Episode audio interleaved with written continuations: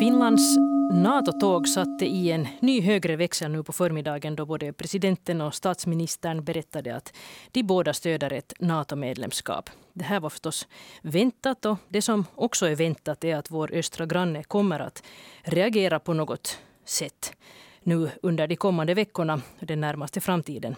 Idag sa bland annat minister Haavisto att man nu noggrant följer med eventuella hybrid och cyberhot. I måndags konstaterade Hanna Smith, som är forskningschef i det europeiska kompetenscentret för motverkandet av hybridhot, att vi måste vara förberedda på precis allt. Och vid inrikesministeriet säger man att myndigheterna och ministerierna har arbetat långa dagar de senaste månaderna för att förbereda sig på Rysslands hybridpåverkan. Sen vet vi också att Finland är en ö och att vi är fullständigt beroende av våra fartyg som sköter om att både import och exportvaror transporteras till och från Finland. Mellan 80 och 90 procent av vår frakt transporteras till sjöss. Det är lätt att tänka att sjöfarten och hamnarna skulle kunna vara en attraktiv måltavla för den som vill störa det finländska samhället. Så hur ser beredskapen ut i våra hamnar och på våra fartyg och hur skulle ett hybridhot till sjöss kunna se ut? Kan det gå så långt att våra sjötransporter sätts ur spel. Bland annat det här ska vi prata om här idag i Slaget efter tolv. Jag heter Maria Nylund och eh, med mig här för att diskutera sjöfart och hybridpåverkan så har jag Lauri Ojala. Välkommen. Tack. Du är professor i logistik vid Åbo handelshögskola. Jo, det stämmer. Och så har vi också Peter Stålberg. Välkommen. Jo, tack. Och tack för inbjudan. Du är VD för Vasa Line som trafikerar mellan Vasa och Umeå. Du är också sjökapten i, till bakgrunden. Roligt att ni är här. Det där, eh, Lauri Ojala, om vi börjar med dig och, och, först liksom beskriver då sjöfartens betydelse för Finland. Jag, jag rabblar ju upp här just att, att 90 procent av, nästan 90 procent av frakterna sköts till sjöss. Vad skulle hända i Finland om, om sjötransporterna skulle, skulle stanna helt? Eh, vad skulle det få för konsekvenser? No, I ett så, så här hypotetiskt eh, fall att all sjötransport skulle stanna totalt så eh, konsekvenserna skulle vara ganska, ganska omfattande. Beroende naturligtvis på hur länge den här, det här skulle pågå. Men att ganska snart så, så kommer alla de här färskprodukter och, och, olika slags eh, komponenter som industrin behöver komma, komma till slut som inte kan transporteras per flyg. Så att, och konsekvenserna skulle vara väldigt, väldigt allvarliga. Mm. Ja, det skulle säkert märkas ganska snabbt eftersom man ju bygger upp den här logistiken på det här just in time, eller hur? Jo, det stämmer. Alltså, alltså sådana här eh, massiva lagerhållningar så har, har i praktiken ingen ingen inom näringslivet så att, att eh, de här eh, Okej, okay, vi har ju sett under pandemin att eh, de här ganska allvarliga störningar i containerfarten och sjöfarten, också delvis luftfarten, har medfört att företagen är mycket bättre förberedda för olika slags störningar nu än vad de var till exempel för två år, tre år sedan. Just det, så, så man har lite backa kanske i det här riktigt optimerande av den här, de här logistikkedjorna. Vad tänker du, vad, vad, vad skulle vi konsumenter märka av först, tror du? No, som, jag, som jag sa tidigare, så, såna olika, olika slags eh, färskvaror, eh, livsmedel, frukter, grönsaker, och sånt som kommer från Europa eller längre fram. Det är kanske sånt som, som eh, skulle bli den snabbaste påverkan. Men att men att någon, någon panik på, på ett par dagar så, så skulle, det inte in, skulle man inte märka så, så märkvärdigt. Men skulle det, situationen pågå i flera veckor så då, då, då skulle läget vara en annan. Mm. Just det. Passagerarfärjor som Vasa Line och Viking Line och Tallink, Silja och Finlands de transporterar så kallat styckegods, alltså färdigt förpackade saker, inte till motsats då till de här bulkvara. Um, och, och, och de sköter då ungefär 50 procent av allt styckegods som importeras till Finland har jag förstått. Vad säger du Peter Stålberg? Ni, ni transporterar både passagerare och styckegods på era fartyg vid, vid Vasa Line. Vad, vad är det för styckegods som ni transporterar på era båtar? Ska vi säga, det är nog ganska mycket blandat, men det är ju papper, metaller och sådana här kan man säga tunga industrivaror. Sen har vi ju mycket också konsumtionsvaror, foder, spannmål, och det är ju en, en mycket viktig kan man säga, komponent i, i all industri och, och, och mycket färskvaror går det ju faktiskt mellan båda länderna. Mm. Mediciner har jag också förstått att det är en sån här ja, absolut. sak som just passagerarfärjorna ofta transporterar. Eh, fyra femtedelar av, av livsmedlen som vi konsumerar i Finland är ändå inhemska. Eh, stämmer det här ungefär att vi, vi skulle kanske inte bli utan mat nu på direkten? No, om, om jag får ta den, den frågan, så det, det, stämmer nog att, att vi, vår försörjningsberedskap när det gäller livsmedel är väldigt hög, ovanligt hög i internationellt avseende. Så att som sagt, någon, någon akut uh, påverkan skulle vi inte, inte se även i ett lite längre, längre stopp av, av sjöfart. Nu, hur är det nu Peter Ståhlberg, hur stora mängder frakt transporterar ni då mellan Vasa och Umeå per år? Har du någon siffra det är ganska mycket, det är 400 tusen ton gods kan man säga på året och, och vi har ungefär 7 procent av marknaden mellan Finland och Sverige mellan, kan man säga på godssidan. Så vi är ganska stora här uppe i Kvarken och, och det glöms ganska fort kan man säga i det här sammanhanget också. Mm. Just det. No, men det där, eh, nu sa jag här inledningsvis nu då att, att myndigheterna redan länge har jobbat för högtryck för att förbereda sig på olika slags hybridhot, eh, framförallt på grund av den här pågående NATO-processen. Och, och, det där, jag tänkte nu här kort bara komma med en, en sån definition som jag hittade här på inrikesministeriets sidor. Alltså hybridhot handlar om illasinnad yttre påverkan genom vilken en statlig aktör genom att kombinera olika metoder strävar efter att systematiskt påverka ett annat land då, den som blir utsatt för det här. Så det är liksom illasinnad yttre påverkan som vi pratar om. Det där, du berättade Peter Ståhlberg för mig inför den här diskussionen att det här faktiskt är högaktuellt för er som jobbar inom, inom sjöfart. Att det diskuteras jätteflitigt just nu. Berätta, vad är det ni diskuterar helt konkret? Det är ju mycket kan vi säga att vi har ju aktiverat oss och det är ju mycket att skaffa information och, och faktiskt träna på när vissa komponenter faller bort, att vi är förberedda. Och det är ju som, kan vi säga, de här enskilda attackerna mot ett enskilt fartyg eller enskilt rederi, så det tror jag inte på. Men det är ju de här stora systemen som man ska vara förberedda på att kommer att störas och slås ut. Men, men för kan man säga, den inventering vi har gjort så är det kanske inte så hemskt stor risk att det påverkar oss så mycket så negativt som man skulle kunna tro. Mm. Kan, kan, du lite beskriva det här konkretare? Att vad, vad tänker ni då på för stora system?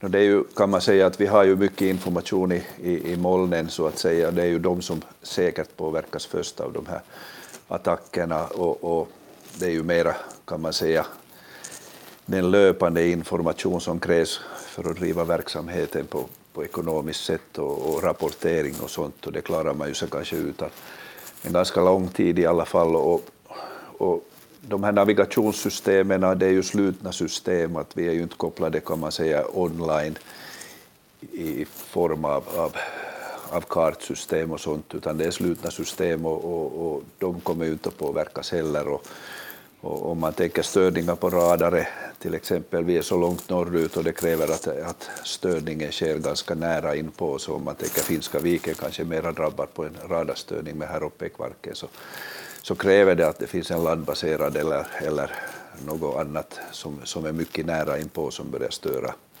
radartrafiken. Så, så det är egentligen en, en förberedelse som alla har måste göra och det har blivit aktuellt nu och vi kör ju faktiskt träningar och vi, vi inventerar och, och, diskuterar med leverantörer och sånt att vad kommer att påverkas. Så, så vi känner oss ganska trygga idag.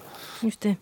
Men du nämnde också det här att man kanske blir tvungen att ta fram papper och penna också i något skede. Vad, vad är det som skulle kunna skötas med papper och penna? Är det passagerare och... Det, det, det är ju kan man säga det här kartsystemet så, så faller ju bort ganska fort kan man säga om GPS störs och, och, och, den jämförs ju förstås satelliternas positioner jämförs om de avviker så alarmerade och, och jämförs med landstationer.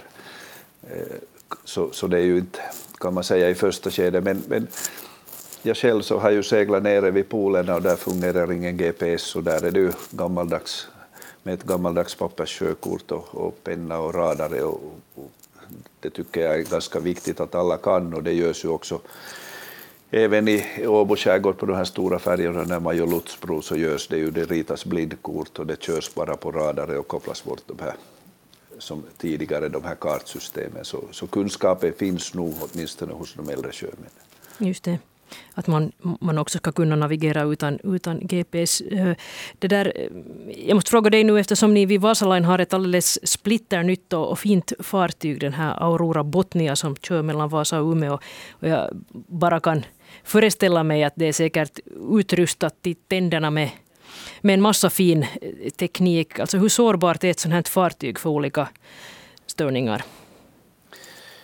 Ska vi säga i första skedet så är det förstås att, att viss utrustning faller ju bort, men sen, så, samtidigt så de här, när det är numodigt så är ju leverantörerna har varit ytterst måna att skydda fartyget från attacker och det, det är stora solida system och, och finns backup-system och sånt. Så kan vi säga vi ligger inte så dåligt till på den sidan och sen är det ju slutna system, att du slipper inte att koppla det in så att, och hacka det in på, på, på enskilda system utan det är nog som helhet eh, ganska solitt fartyg. Just det. Jag vill ännu komma tillbaka till de här konkreta sakerna ombord på ett fartyg som man skulle kunna störa. Men vi, jag vill fråga dig Lauri Ojala först, att vad, vad tror du att hybridpåverkan skulle kunna handla om rent konkret om man nu talar om sjöfart? Så vad, vad tänker du dig då? No, jo, som, precis som Peter sa, så, så den här kanske akuta risken att enstaka fartyg eller, eller enstaka operationer skulle direkt bli uh, utsatta för, för sånt är relativt liten.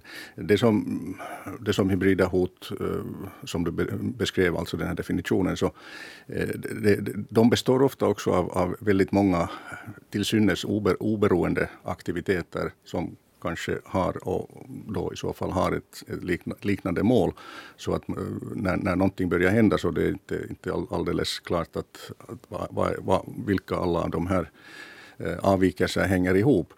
Men, men kanske på, på lite högre systemnivå som uh, en, från ett enstakt fart, ett fartyg eller ett, ett rederi eller, eller en hamn.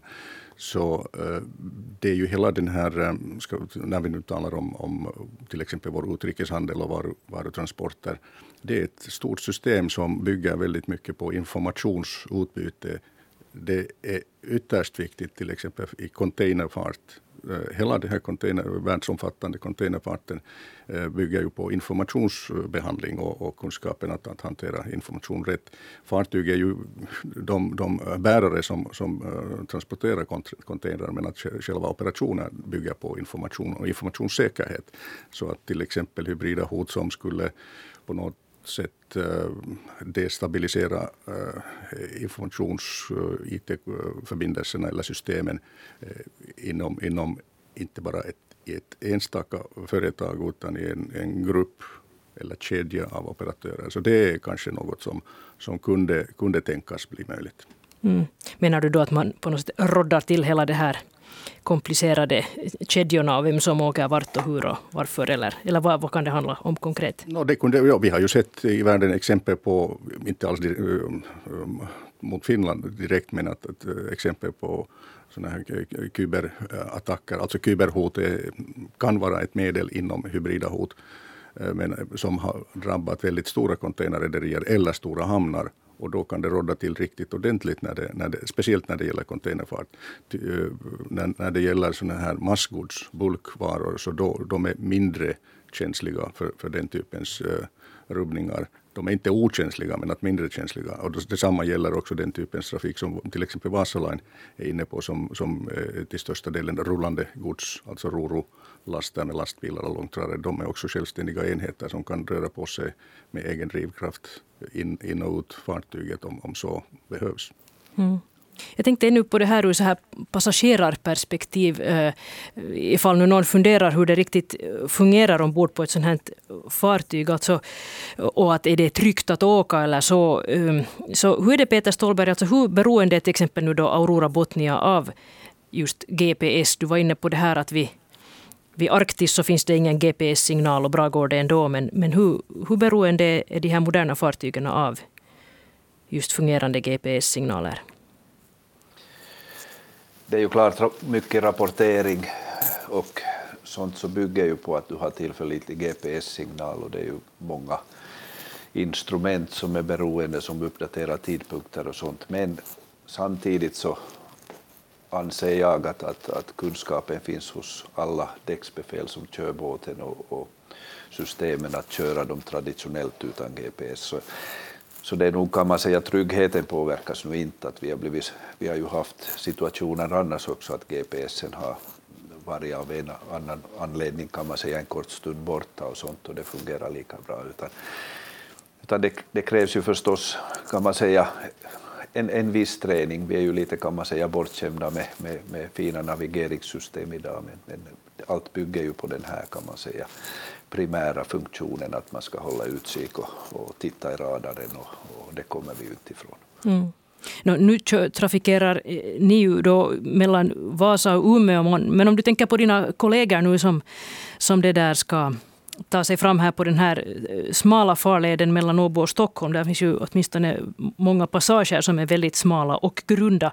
Vad tänker du där? Hur viktiga är just GPS där för att, för att man ska ta sig fram tryggt? No, kan vi säga där också så, så mina kollegor som kör där nere i skärgården och jag har kört där också, så nu är det ju radare som är det primära verktyget i alla fall. Att man, man ser ju radare och har den kunskap om, kan man säga, visuella och de har kört där länge och de har linjelotsar och sånt. Så jag är övertygad om att de klarar det på precis samma sätt. Och, och, så det är nog ingen stor påverkan som jag anser det. Nej. Nå, ännu vill jag fråga om den här radaren. Ehm, det, är väl helt vardag att, att det här lite äldre fartyg kör då just enbart med radar, många lastfartyg också, eh, och inte alls använder sig så hemskt mycket av den här GPS-signalen. Eh, det där. Men, men kan den här radaren bli störd på något sätt då? Definitivt, men vi ska komma ihåg att en radarsignal är, är linjär så att säga, att den följer inga och det, den som stör en radar måste vara ganska nära. Att, att att om man nu tänker, kan man säga på Finska viken, så där finns det ju en viss chans att det störs när det, det störs från kan man säga ryska kusten eller sånt, men det kräver ganska stor, stor utrustning och stora, kan man säga, och, och skulle säga att ungefär en, en 60-70 kilometer börjar vara maximum vad du kan störa. Och, och, och det är ju som om man tänker på Åbotrafiken så är vi ju ganska långt bort ifrån störnings kan man säga stationerna och, och vår kust är ju bra skyddad på det sättet. Och här uppe i Kvarken så, så är det ju ganska föga troligt att vi blir stöd, mm. stöd av, det. Så det krävs ganska stora anläggningar och störa radare om man tänker på en långvarig störning också eftersom fartyget rör sig framåt också. Mm. Just det. Nå, kan man slå ut elen på ett fartyg på något vis på, på, på distans? Kan ett fartyg drabbas av elavbrott? Det kan drabbas av elbrott, men att störa det kan man säga från distans, så det är nog föga troligt att vi har så många kan man säga, system som ersätter, om ett faller bort så har vi så många system att, att där ser jag nog inget. Som jag ser med Superakt så är förstås ett farum att så är ju bränsleförsörjningen och, och, och sen har vi ju, kan man säga, det är ju någonting som kan störa så att vi får bränsle till fartygen och det är ju vi ser ju redan idag hur det kan påverkas och, och kan man säga, och störa hela, hela den här beredskapstrafiken. Vad, vad tänker du på konkret då? No, alla system som bränsle kommer ju, kan man säga, det är ju på import allt bränsle i stort sett och, och terminalerna de är ju mycket avancerade och, och digitaliserade och allting och beställningssystem och, och samma är det med fartygsbokningssystem och sånt, att där kan vi bli påverkade. Mm.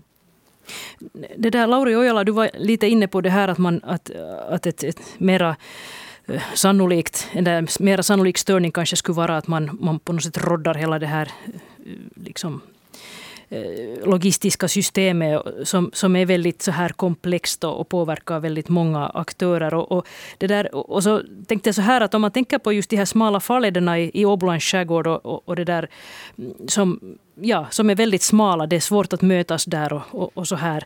Eh, så det där så får jag, kommer jag också att tänka på det här jättelastfartyget som fastnade i Suezkanalen för, för ett, ja, ett drygt år sedan. Den här Ever Given som stoppade upp fartygstrafiken i Suezkanalen i sex dagar. Och det fick följder då i hela världen. 350 fartyg köar där för att kunna åka vidare.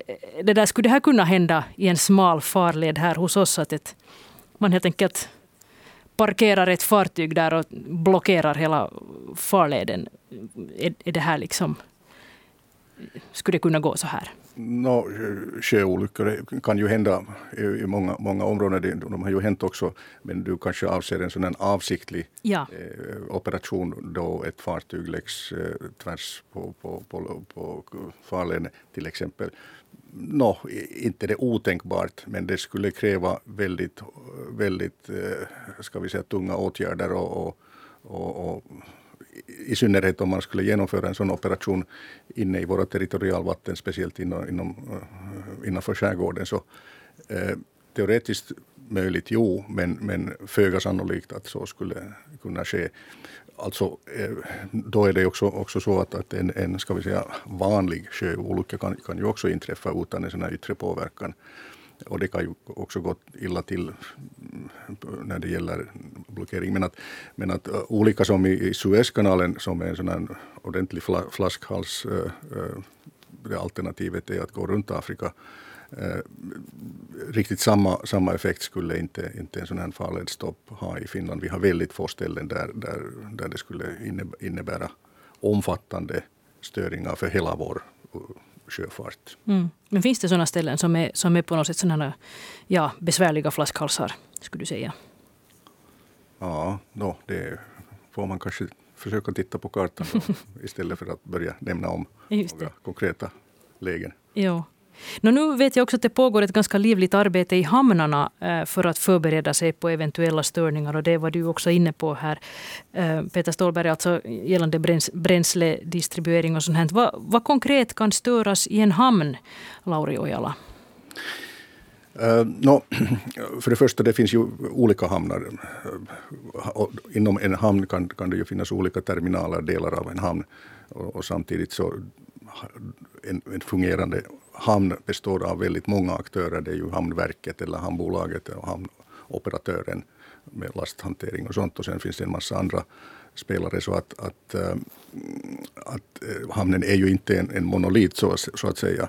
Men eh, när det gäller, när det gäller sådana risker och drabb, som kan drabbas i containerfart är riskerna kanske högst i, i den meningen att om, om de IT-system som styr containerhantering i en terminal inne in, in i hamnen och in, in och ut från hamnen. Eh, de, om de blir uh, ur spel så då, då stoppas containerhanteringen nästan helt. Det är inte lika känsligt med, med bulk eller rorogods som jag, som jag sa. Mm. Så att IT-systemen är kanske den, och elförsörjning är en annan. Okej, det finns ju reservaggregatorsystem som kan, kan upprätthålla stationen ett antal dagar och en viss stund i alla fall. Eh, i hamnarna också. Men att det är ju el och IT-system som är kanske det främsta. Det är inte, inte kanske så mycket någon fysisk, eh, struktur, fysiska strukturer eller, eller fartyg i sig. Mm. No, no, hur kan man förbereda sig på sådana här störningar? Jag har nu förstått att, att de flesta hamnar eh, säkert klarar av några dagars elavbrott. Vad skulle du säga, Lauri Ojala, om det? No, i Finland så har vi ju haft en, en lång historia av, av eh, ganska djup, uh, djupt samarbete med till exempel myndigheter och, och uh, transportsektorn. Typ I, den här, I det här fallet då hamnar och rederier och, och andra, andra sjöfartslogistikaktörer. Så att, att uh, den basen är ganska, ganska solid. Och, och, här vill jag nu också påpeka att, att det är ju i en sån här störningssituation, speciellt om det skulle handla om, om sån här Eh, illa aktioner av hybrida natur så, så då, då kommer eh, myndigheternas roll också ganska snabbt in i bilden. Då kan det handla om, om transportmyndigheter, typ Trafikom eller, eller då gränsbevakningsväsendet, tullen, eh, polisen och, och, och, och, så, så vidare bortåt. Eh, jag, jag, skulle säga att de här förberedelserna ha, ha, ha, ligger på, på, en, på en hög nivå. Så att eh, vad, vad, som kommer att ske och vem som kommer att, göra, kommer att göra vad är relativt väl eh, förstådda av alla parter. Så att, att eh, där skulle jag inte vara så där hemskt orolig att, att saker och ting skulle falla, falla ner direkt om någonting oväntat händer.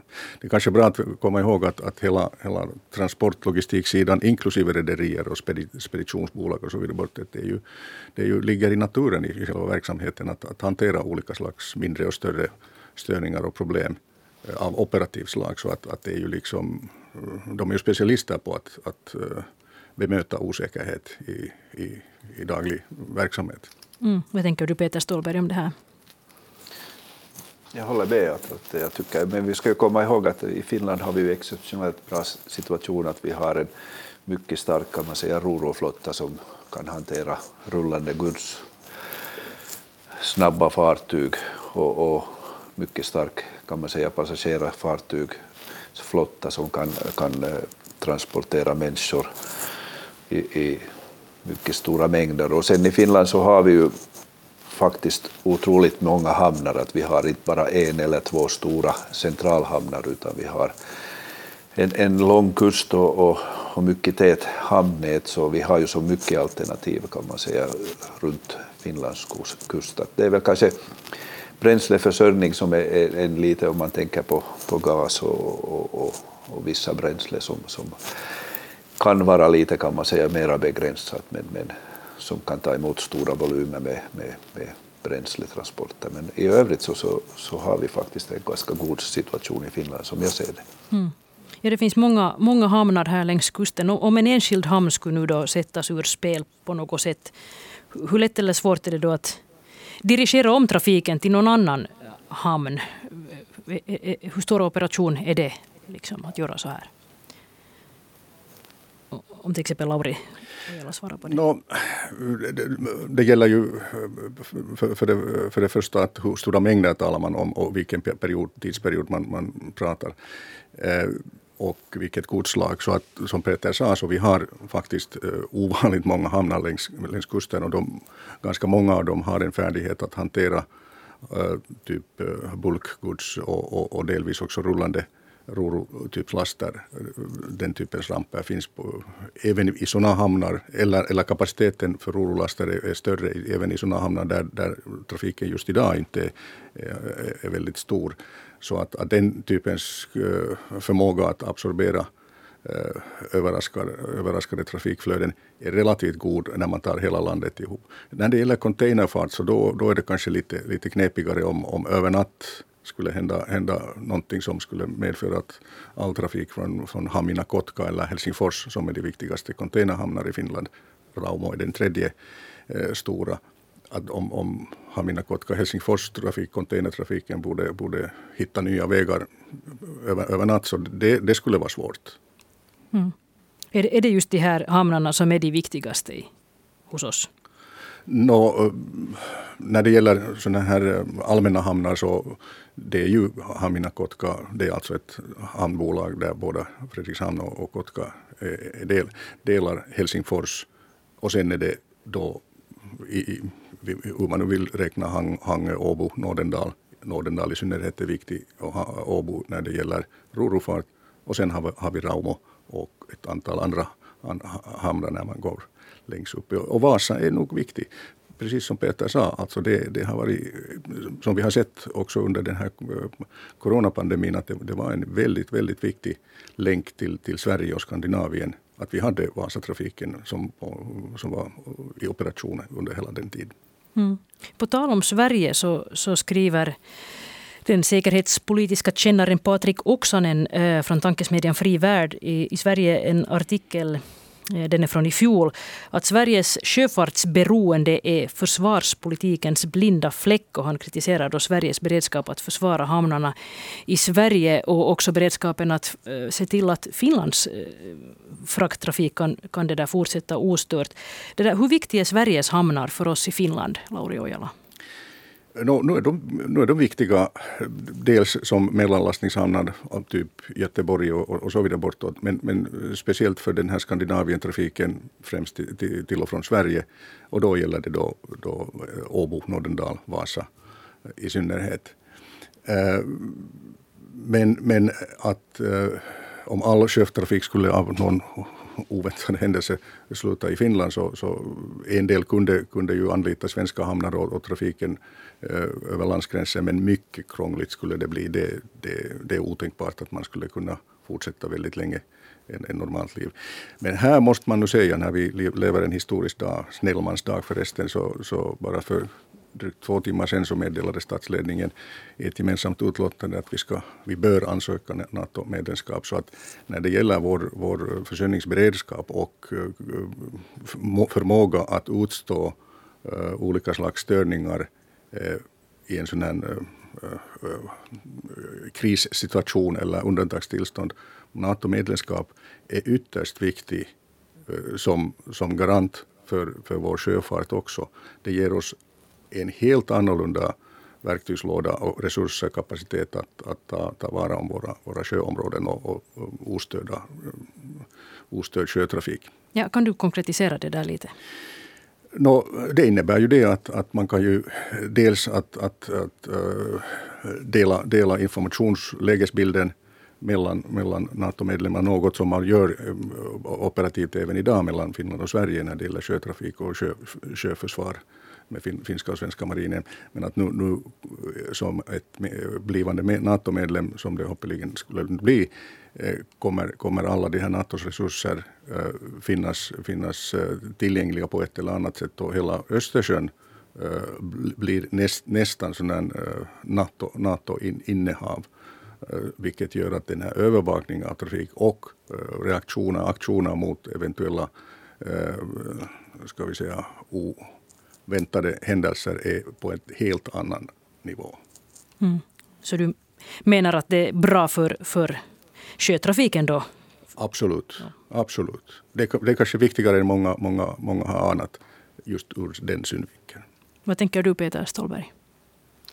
Jag håller med. Och, och, man får ju inte glömma Norge också. Som om man tänker, vi har ju mycket, kör mycket gods till Norge och vi har ju hamnar som gränsar till Nordsjö, Mo i Rana och de här. Och den trafiken kommer ju också vara viktig med tanke på beredskapstrafik om det skulle hända så att hela Östersjön blir stängd av en och annan anledning som kommer via Danska sundet eller, eller Kiel kanal. Utan de två så kommer trafiken att stanna och vi blir ett innanhav. Så, så det är ju viktigt också här uppe i Vasa om man tänker att vi, vi har en ganska bra, bra upplägg om man tänker på att, att gods kan komma via Nordsjön in i, i Finland och, och, och varför inte över, över norra gränsen via Torneå och, och framförallt mellan, mellan kan man säga Umeå och Vasa och det är ju som otroligt viktigt att komma ihåg.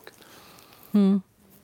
En sak som man inte åtgärdar nu så där hux flux på något vis men, men eh, som också lär ska vara en viktig fråga för just försörjningsberedskapen och Östersjön här eh, är frågan om fartygen seglar under finsk flagg eller inte. Det, det här lyftes fram bland annat av, av amiral Bo Österlund som, som har varnat för det här. Alltså att eh, andelen av tonnage som kör under finsk flagg har minskat stadigt här under många, många år. Nu är det bara 30 procent av tonnaget som, som då sköter frakterna som faktiskt seglar under finsk flagg och att det här eh, är en risk, menar då Österlund som har eh, doktorerat på det här. Hur, hur, ser ni på, på den här frågan om, om fartygen under finsk flagg eller inte? Vad säger Lauri Ojala?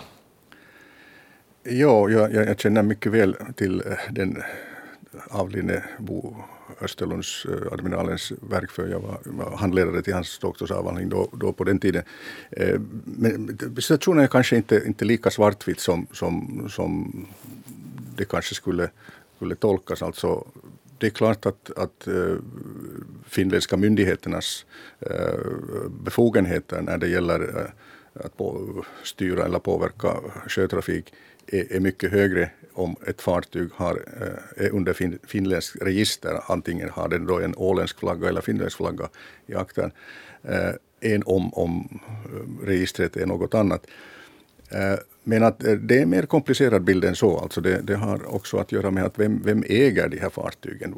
Registret är en annan, en fråga. Var ligger, eller har rederiet sitt huvudkontor? Alla de spelar också in i bilden. Och eh, vi har ju trafikslag, typ containerfart, där bara några procent av alla, alla våra containrar som kommer in eller går ut eh, kör, eh, använder fartyg under finsk flagg. Eh, Medan i vissa mer eh, försörjningsberedskapskritiska flöden av eh, distribution av bränsle längs kusten, alltså, alltså kustsjöfarten i Finland, Eh, där är finsk, eh, finska flaggans andel väldigt, väldigt hög och det, det är bra så. Under ska vi säga, normala förhållanden kan man för, förenklat säga att jo, och finsk register är en trygghet också för försörjnings, försörjningsberedskap. Men att skulle det gå riktigt illa till och vi skulle befinna oss i en beväpna, beväp, internationell beväpnad konflikt så som vi hade under andra världskriget, så, så då, om du har eh, en, en eh, fiendepart så, så kan det också också eh, rekvirera sådana fartyg med besättning i internationella vatten. Så att i sådana extrema situationer så kan det också bli en belastning om man går, tänker så långt. Så att frågan är inte riktigt svartvit. Mm. Nu är det så att vi får så småningom alldeles strax dra streck. Jag ska ännu berätta för den som är intresserad av de här frågorna att, att uh, våra finska kollegor här på YLE publicerade i morse en artikel om hur eventuella hybridhot kan tänkas se ut rent konkret. Och man talar där till exempel om iscensatta olyckor och, och man uh, nämner Eh, den här ryska ubåten, som, eller sovjetiska ubåten som körde på grund utanför Karlskrona på 80-talet. Eh, kunde det hända på nytt? Eller, eller att man slussar ut flyktingar i små båtar eh, från Kaliningrad och, som sen guppar omkring på, på Östersjön. Och att här finns flera scenarier då som man målar upp som gäller just sjötrafiken och, och Östersjön. Så det är ett lästips då till alla. Jag ska ännu berätta att när jag förberedde den här diskussionen så visade sig att att många var väldigt försiktiga med att kommentera de här sakerna. Bland annat Viking Line har linjen att de inte alls diskuterar säkerhetsfrågor. Och också lotsarna vid Finnpilot avvaktar, eller Finnpilot alltså avvaktar också. Man vill se vad hybridåtgärderna kan handla om konkret. Många verkar förvänta sig att det kommer att att vi kommer att få se någonting. Ehm, helt kort eh, av er båda, hur sannolikt är det tror ni att vi kommer att se någonting på Östersjön? Vad säger Lauri Ojala? Uh, nu, nu, kommer vi förmodligen att se några, några typers åtgärder men att, att, att så pass allvarliga aktioner att, att vi skulle uh, vara riktigt, i riktigt stora problem med vår, vår utrikeshandel tror jag inte riktigt på. De verktygen, medlen med vilka man, man kunde åtgärda sådana, sådana är väldigt begränsade och de är så o, ovanliga att uh, även i ett sånt här läge in, på vägen inför en NATO-medlemskap tror jag inte att, det, det, det kom, vi, att vi kommer att se väldigt massiva operationer på den sidan. Det finns ju andra sektorer i samhället som kan drabbas. Det kan ju vara eh, finanssektorn, det kan ju vara, vara eh, telekommunikationer och sånt som kanske är mer attraktiva mm. i den bemärkelsen. Vad tror du kort, Peter Ståhlberg? Jag tycker det är jätteviktigt att man är öppen och, och kan man säga passagerare och frakt ska känna sig ganska trygga. Och, och det görs ju hela tiden ett, ett, enormt arbete inom alla organisationer för att, att trygga sjöfart mot olika hot. Och, och, och, så jag ser nog att, så som Lauri säger, att, att, att vår bransch är nog ganska trygg om man tänker att det är ju många andra som är mera kritiska och, kanske inte så stort intresse heller för olika hot. Men vi kommer nog att känna av det och, redan nu ser vi att det finns intresse, att vi har feedback från passagerare, så det kommer kan man säga dagligen feedback på ryska och, och sånt, så nu finns det intresse. Just det. Vi avslutar här. Det här var dagens Slaget efter tolv. Tusen tack till Lauri Ojala som är professor i logistik vid Åbo handelshögskola och Peter Stålberg som är VD för Vasa Line. Jag heter Maria Nylund.